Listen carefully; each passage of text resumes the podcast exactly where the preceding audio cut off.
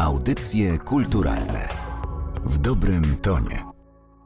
Dzień dobry Państwu, z tej strony Kacper Andruszczak. Witam serdecznie w audycjach kulturalnych w cyklu Apecadło Kortegardy po pierwszych literach alfabetu, które przypominały nam historię Galerii Kortegarda, Galerii Narodowego Centrum Kultury, także wspominaliśmy artystów pokazujących w Kortegardzie swoje prace, przechodzimy do pytań o to, jak tworzyć wystawy w galerii, które mają opowiadać nam nie tylko o sztuce, ale także o konkretnych wydarzeniach historycznych.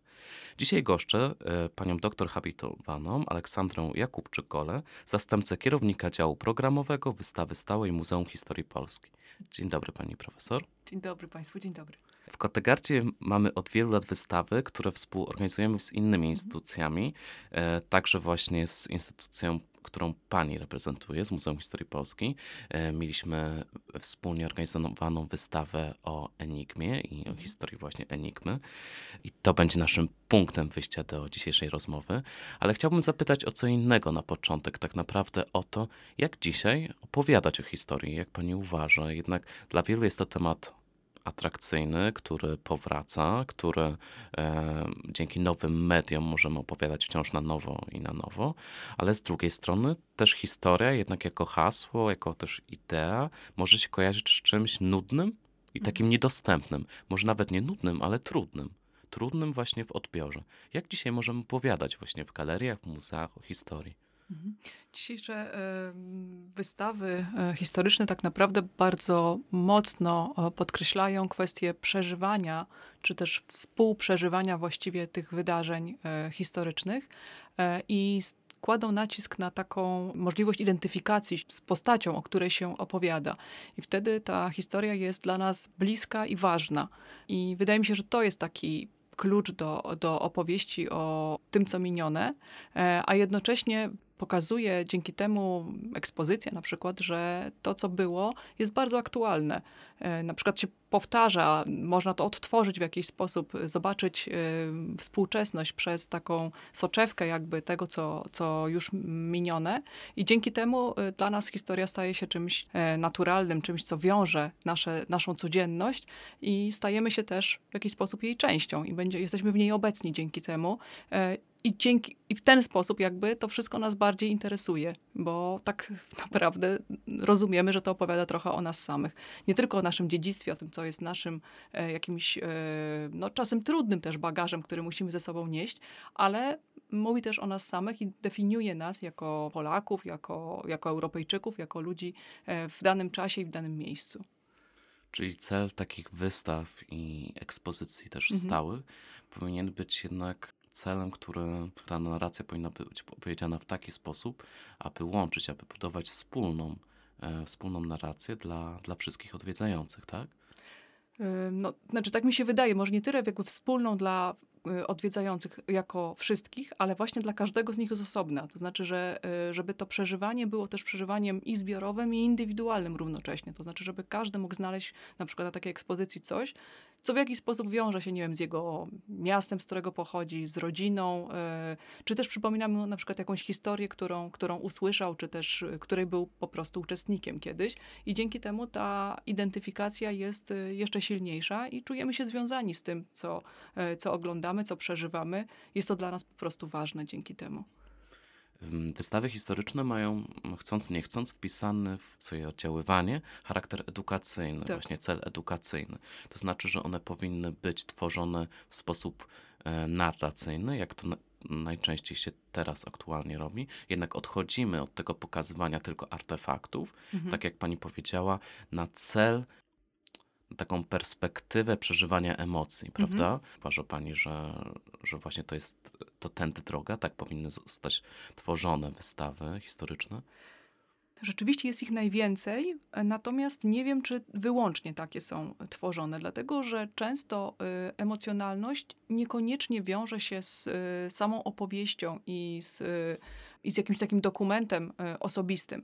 Na przykład czasami jest tak, że emocjonalność jest pobudzana poprzez przedmioty. I wtedy taka ekspozycja, jak na przykład ekspozycja Muzeum Warszawy, czy teraz najnowsza ta ekspozycja czasowa w Muzeum e, Narodowym w Warszawie, one bazują na przedmiotach, z którymi związana jest właśnie jakaś historia i to ona implikuje doświadczenie, ona implikuje przeżywanie, emocjonalność, yy, identyfikację, te wszystkie jakby struny, które porusza w nas ekspozycja. I to niekoniecznie musi być taka narracyjność, jaką my rozumiemy, to znaczy właściwie jaka została zaproponowana w yy, takiej właściwie przełomowej książce w 2019 roku Muzeum i Zmiana. Losy muzeów y, narracyjnych. Tak naprawdę ta publikacja zbiera wiele y, opinii na temat czegoś, co się zwykło już nazywać boomem muzealnym, który, który rozpoczął się w y, Polsce troszkę później jakby niż na, na Zachodzie, czy też był konsekwencją tego, co działo się na Zachodzie i spowodował niezwykły rozkwit muzeów narracyjnych. Po 2004 roku, kiedy otworzone zostało Muzeum Powstania Warszawskiego, rzeczywiście coś się zmieniło. I myślenie o historii na y, ekspozycji postępuje teraz trochę inną drogą. Częściej stawiamy nacisk na scenografię, na teatralizację przestrzeni, na środki też takie multimedialne, e, co nie zawsze jest dobre i też rzeczywiście te, te stanowiska multimedialne też są takim produktem, który najczęściej się po prostu starzeje, najszybciej się starzeje i, i w związku z tym trzeba, e, trzeba go stale aktualizować. Co nie znaczy, że y, rezygnujemy z artefaktów. Myślę, że ta wystawa właśnie, o której, od której zaczęliśmy, to znaczy ekspozycja poświęcona y, Enigmie, y, realizowana wspólnie z Narodowym Centrum Kultury, pokazała właśnie, że to przedmiot stał się centrum ekspozycji. Ona była bardzo skromna pod takim względem mm, jakby wystawienniczym, bardzo estetyczna, ale właśnie jakby nakierowywała zwiedzających na dwie mm, maszyny szyfrujące, tą niemiecką Enigmę i jej polską replikę, czyli właściwie maszynę, która powtórzyła e, system działania niemieckiej Enigmy po to, żeby można było odcyfrowywać wiadomość. I tutaj to obiekt był w centrum. Więc to nie jest tak, że te wystawy na przykład pozbawione są obiektów. To takie częste e, przekonanie, które, które pokutuje, że jak budujemy opowieść, budujemy narrację, to ona musi być pozbawiona e, eksponatów. Wydaje mi się, że to nie tak i, i że często to właśnie eksponat jest jakimś nośnikiem, jest takim sanktuarium, które, które niesie w sobie też pewne e, wiadomości. Często pojawia się taki zarzut, jeżeli mówimy właśnie o tym typie e, narracji, o, o teatrze historii. Mhm. E, mówi się, że oczywiście jest to emocjonalna e, treść, angażująca odbiorcę, tak. odbiorczynię i w takiej treści trudniej o, o prawdę historyczną. Gdy wchodzimy w sferę emocjonalną e, i gdy angażujemy się w, e, w przeżywanie wspólne, czy to nie pozbawia nas takiego krytycznego podejścia do prezentowanej tematyki, do, do historii, która jest opowiadana i pokazywana? Wydaje mi się, że wręcz przeciwnie. To znaczy, że właśnie pozwala na taką e, wielowymiarowość pokazywania e, pewnych problemów, ponieważ właśnie mamy różne media, mamy różne środki wyrazu, możemy zbierać różne źródła, e, możemy przedstawiać różne relacje i pozwolić zwiedzającemu mm, jakby zrozumieć, że żadne wydarzenie nie jest właśnie prawdą historyczną, to znaczy jest czymś, co, się, co miało miejsce, ale każdy je widzi inaczej. To znaczy są różne świadectwa y, odbioru y, danego, y, danego wydarzenia czy, czy danego procesu historycznego, który miał miejsce. W związku z tym trzeba się temu przyjrzeć jakby dookoła. I, i taka ekspozycja wydaje mi się, że właśnie tworzy taką możliwość i stawia też zwiedzającego w roli takiego aktywnego twórcy wystawy, dlatego że on sam, wybierając drogę, którą podąża, w jakiś sposób odbiera tę wystawę bardzo indywidualnie i to ona w nim się tworzy. E, jest y, przez to, że czasami angażujemy też różne zmysły, czyli wystawy są polisensoryczne, na przykład oddziałują nie tylko na wzrok, oddziałujemy na słuch, często na dotyk, na zapach nawet ostatnio, prawda?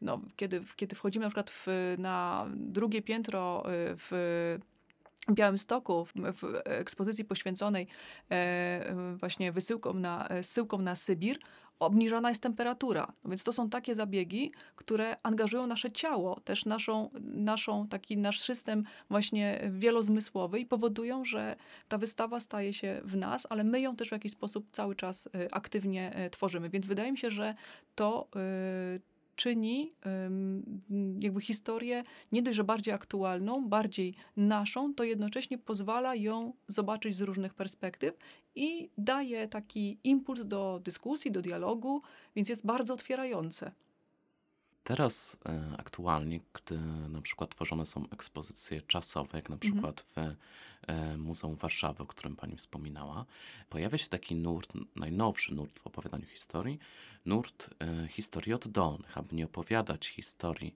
wciąż o tych samych bohaterach, tylko jednak, aby zmienić tą perspektywę i narrację, aby opowiedzieć na odwrót, opowiedzieć właśnie w nurcie oddolnym, aby zmienić właśnie perspektywę narracji historycznej, tak jak na przykład w Muzeum Warszawy mieliśmy wystawę o służących i za pomocą tego tematu służących w Warszawie wystawa opowiadała tak naprawdę i o Europie, i o Warszawie właśnie w, w, w Europie i o tym, jak stała się w swego czasu stolicą służących, a także o zmianach ustrojowych. Więc ten temat posłużył do opowiedzenia tak naprawdę o kilku różnych e, aspektach historycznych. Mhm. E, uważa Pani właśnie, że, że, tak, że taka moda właśnie na historię oddolną e, jest nam potrzebna, że ta narracja powinna być zmieniana coraz częściej, aby, aby podchodzić po prostu do tematów różnorodnie, aby nie Mhm. powielać wciąż tych samych narracji, które gdzieś są znane nam z, no, na przykład ze szkoły. Tak, znaczy na, na pewno słowo y, y, moda jest dla mnie trudne w tym, w tym, w tym y, znaczeniu, bo wydaje mi się, że to nie, ym, nie tylko chodzi o modę, ale chodzi o jakąś potrzebę. To znaczy, y, y, mam wrażenie, że to związane jest z tym, że jakby ta narracja głównego nurtu, czyli ta opowieść o e, najważniejszych wydarzeniach, o e, zmianach politycznych, gospodarczych, ustrojowych, jest w jakiś sposób tożsama, na, właśnie bliska nam przez szkołę, czy przez, czy przez e, taką ogólną wiedzę, którą często mamy, a opowieść o, mm, nie wiem, innych warstwach społecznych, o różnych zagadnieniach, e, często, tak jak właśnie o tym rozmawiamy, powoduje, że mamy możliwość przyjrzenia się temu, tym zjawiskom bliżej, inaczej, e, spojrzenie na to jakby trochę z innej perspektywy, daje też świadomość tego, że to niekoniecznie jest takie jednowymiarowe, że często dla, e, dla jednych ludzi było to, miało to jakiś wydźwięk pozytywny, czasami po prostu było szkodliwe, trudne i spojrzenie przez e, jakby inną soczewkę, e, trochę inną perspektywę otwiera e, różne możliwości. Ja tak naprawdę w ogóle nie jestem historykiem, muszę się do tego przyznać. Jestem historykiem literatury, kultury i sztuki. Dla mnie tak naprawdę taka perspektywa jest tym, w czym ja żyję i w czym funkcjonuję. I bada się raczej właśnie świadectwa i to, jak rzeczywistość była odbierana, jakie miała skutki właśnie w sztuce, w kulturze, jaki był obyczaj, jaka była moda, jakie były, e, jakie były e, zwyczaje, e, co jedzono. To są rzeczy, które teraz nas interesują, dlatego że są nam też po prostu bliskie i są dla nas w jakiś sposób naturalne. Jeżeli przychodzimy obejrzeć wystawę Stan Rzeczy, no to ja mogę zrozumieć, że dany przedmiot do czegoś służy, bo na przykład jest to coś, czego ja doświadczam codziennie. Element mojego poranka, popołudnia, mojego czasu wolnego na przykład, prawda? Więc jakby e, jestem w stanie to zrozumieć e, i e, jest to dla mnie po prostu bardzo ciekawe, buduje mnie i też tworzy jakąś szeroką, szeroką perspektywę odbioru tych wydarzeń. Więc tak, ja uważam, że to jest bardzo dobry pomysł, a jednocześnie on wzmacnia paradoksalnie tę narrację główną, dlatego że dzięki temu jej obraz jest dla nas, nie wiem, szerszy, bardziej interesujący, bogatszy, dowiadujemy się o tym więcej i w jakiś sposób to nam mocniej zapada w pamięć, tak mi się wydaje. Czyli dochodzimy do, do tego, o czym mówiliśmy na samym początku, właśnie do, trochę do tego, aby odczarować tą historię, aby, e, aby nie opowiadać wciąż o tym samym, aby Mhm. nie kojarzyła nam się, nam jako odbiorcom, z czymś nudnym, z czymś kojarzonym ze szkołą, czymś do przyswojenia datami, tylko o dobieraniu takich perspektyw, aby były dla nas budujące i aby poszerzały nasz cały horyzont, aby ta narracja, która się w nas właśnie wytwarza, tak jak pani mówi, to my wybieramy, co chcemy dotknąć, czego doświadczyć, abyśmy my mogli wyrobić sobie własne zdanie na ten temat, prawda? Tak, to znaczy własne zdanie i też własne przeżycia z tym związane, własne bo to jest też tak, że jeżeli mm, poruszane są emocje, to mm, wzmacnia się nasza pamięć i y, to już od starożytności ta metoda ars memory, czyli właśnie sztuka zapamiętywania oparta na poruszaniu emocji, na budowaniu takich miejsc, które są e, w jakiś sposób e, dla nas ważne pod względem doświadczenia, powoduje, że y, jesteśmy temu bliżsi, lepiej to pamiętamy, jesteśmy, jesteśmy w stanie to przeżywać i to staje się naszym jakimś takim doświadczeniem y, wspólnym. Więc nie wiem, czy to chodzi o odczarowanie historii, ona po prostu jest zaczarowana i, i to jest fascynujące, że, że y, poruszamy się po takich niezwykłych opowieściach, które, które możemy jakoś sami potem też tworzyć, budować, interpretować. E, przy wystawie o, w Galerii Kortegarda, wystawie o Enigmie, mieliśmy cykl oprowadzań kuratorskich, gdzie kuratorzy opowiadali bardzo żywo zresztą, bardzo, bardzo dobrze e, ta oferta właśnie oprowadzeń była skrojona dla odbiorców i odbiorczyń Kortegardy. E, bardzo żywo opowiadali o, o Enigmie, więc tutaj też dochodzimy do tego, że to w jaki sposób wystawę tworzymy to jedno, ale jednak zawsze potrzebujemy, aby ta narracja była jeszcze pełniejsza, bardziej zrozumiała osób, które mogą o danej ekspozycji nam opowiedzieć. Czyli mhm. dochodzimy do roli edukatorów, no tak, to, znaczy, to są bardzo ważne postaci, dlatego że e, to są osoby bardzo zaangażowane. Tak, słusznie tu właśnie mówimy o tym, o, bardzo dziękuję za taką opinię, to bardzo, bardzo miło to słyszeć.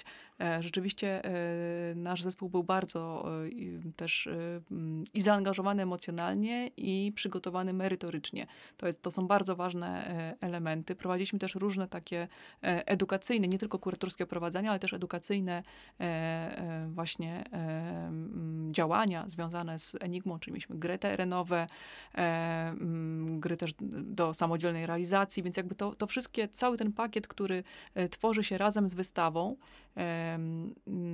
i on jakby wnika w tkankę e, wystawy, powoduje, że to udostępnianie, e, mm, upowszechnianie też e, wiedzy i historii staje się jakby bardziej egalitarne, bo dotyczy bardzo wielu grup społecznych i rzeczywiście ten aspekt teraz wydaje się taki najważniejszy, jeżeli chodzi o muzealnictwo. To znaczy, sądzę, że w mniejszym stopniu muzea stawiają na właśnie gromadzenie i zachowywanie zbiorów. To jest nadal bardzo ważny element, ale mam wrażenie, że po tym 2004 roku nastąpił taki, taki duży przełom i wiele instytucji pracuje jako takie centra właśnie udostępniania, partycypacji, czyli właśnie uczestnictwa w, w kulturze, w historii. I jakby bez tego to chyba już jest niemożliwe. To znaczy, budowanie pewnej wspólnoty jest naturalnym procesem pokazywania e, obiektów historycznych. To znaczy, to, to musi działać wspólnie. Bez tego, bez publiczności,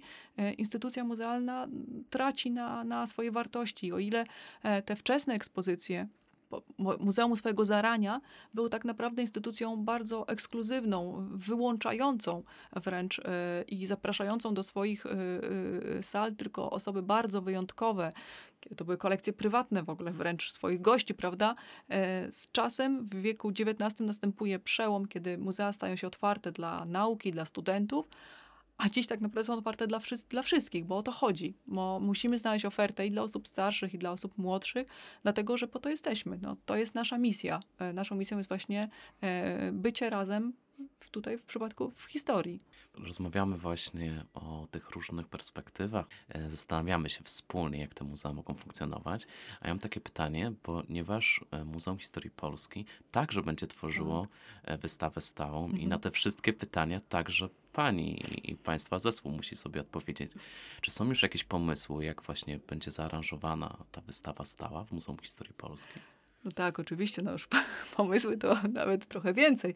Tak, jak najbardziej budynek się e, e, buduje, a wystawa, wystawa stała też, e, mamy nadzieję, że niebawem, niebawem powstanie. Będzie to no, największa wystawa historyczna w tej chwili w, w Europie, ale rzeczywiście staramy się realizować trochę to wszystko, o czym mówiłam. To znaczy, to ma być wystawa właśnie oparta na takiej wyraźnej osi e, narracyjnej, jednocześnie pokazująca dialog i różne perspektywy e, odbioru. Pomysł jest taki, że dzielimy ekspozycję na, na sześć głównych galerii, e, które opowiadają po kolei czasy Polski od właściwie początków kształtowania państwowości, czyli od wieku mniej więcej IX i kończymy czasami naprawdę współczesnymi, ponieważ nawet proponujemy aneks, w którym będą przedstawione zupełnie współczesne wydarzenia, więc jakby ten e, intensywny e, podział na, na, e, na epoki nas jest trochę zaburzony, to znaczy jest to, jest to bardziej stawiamy właśnie na różne czasy i różne przemiany, procesy historyczne, które, które e, miały miejsce. I takimi najważniejszymi jakby pojęciami, które, które u nas są, to przede wszystkim pojęcie wolności. I chcemy opowiedzieć o polskiej historii jako o historii właśnie przemian związanych z tym, poję- z tym, z z tym terminem, właśnie z kategorią wolności w ogóle w, e, w naszej e, historii. Oprócz tego stawiamy nacisk na kwestie związane z przemianami cywilizacyjnymi. Tożsamość jest też bardzo ważnym e, problemem, który wielokrotnie się pojawia. I widzimy takie jakby punkty y, łączące poszczególne galerie i trochę opowiadamy o tych samych y, aspektach w czasach wcześniejszych i, i później w, w, okresie, e, w okresie e, już e, nowszym. Ale nasza ekspozycja stoi również na obiektach oryginalnych i to w dużej mierze to jest kilka tysięcy obiektów oryginalnych, które można będzie, będzie zobaczyć. Pochodzą one z naszej kolekcji, jak również z darów i, i depozytów, których korzystamy dzięki współpracy z wieloma partnerami, też instytucjami muzealnymi, ale również e, kościelnymi, kulturalnymi, więc jakby staramy się, w nasze, żeby w naszej instytucji była szeroko reprezentowana polska historia i polska kultura, więc stawia, staramy się kłaść nacisk przede wszystkim na te, na te właśnie aspekty dotyczące takiej kultury, historii e, codziennej, e, tożsamościowej, budującej właśnie bardziej wspólnotę. I to są dla nas takie najważniejsze jakby wytyczne. Dzisiaj gościłem panią profesor Aleksandrę Jakubczyk-Kole, zastępcę kierownika działu programowego wystawy stałej Muzeum Historii Polskiej. Bardzo dziękuję pani profesor za spotkanie. Ja również bardzo dziękuję. Słuchają państwo cyklu Abecadło Kortegardy w audycjach kulturalnych. Audycje kulturalne w dobrym tonie.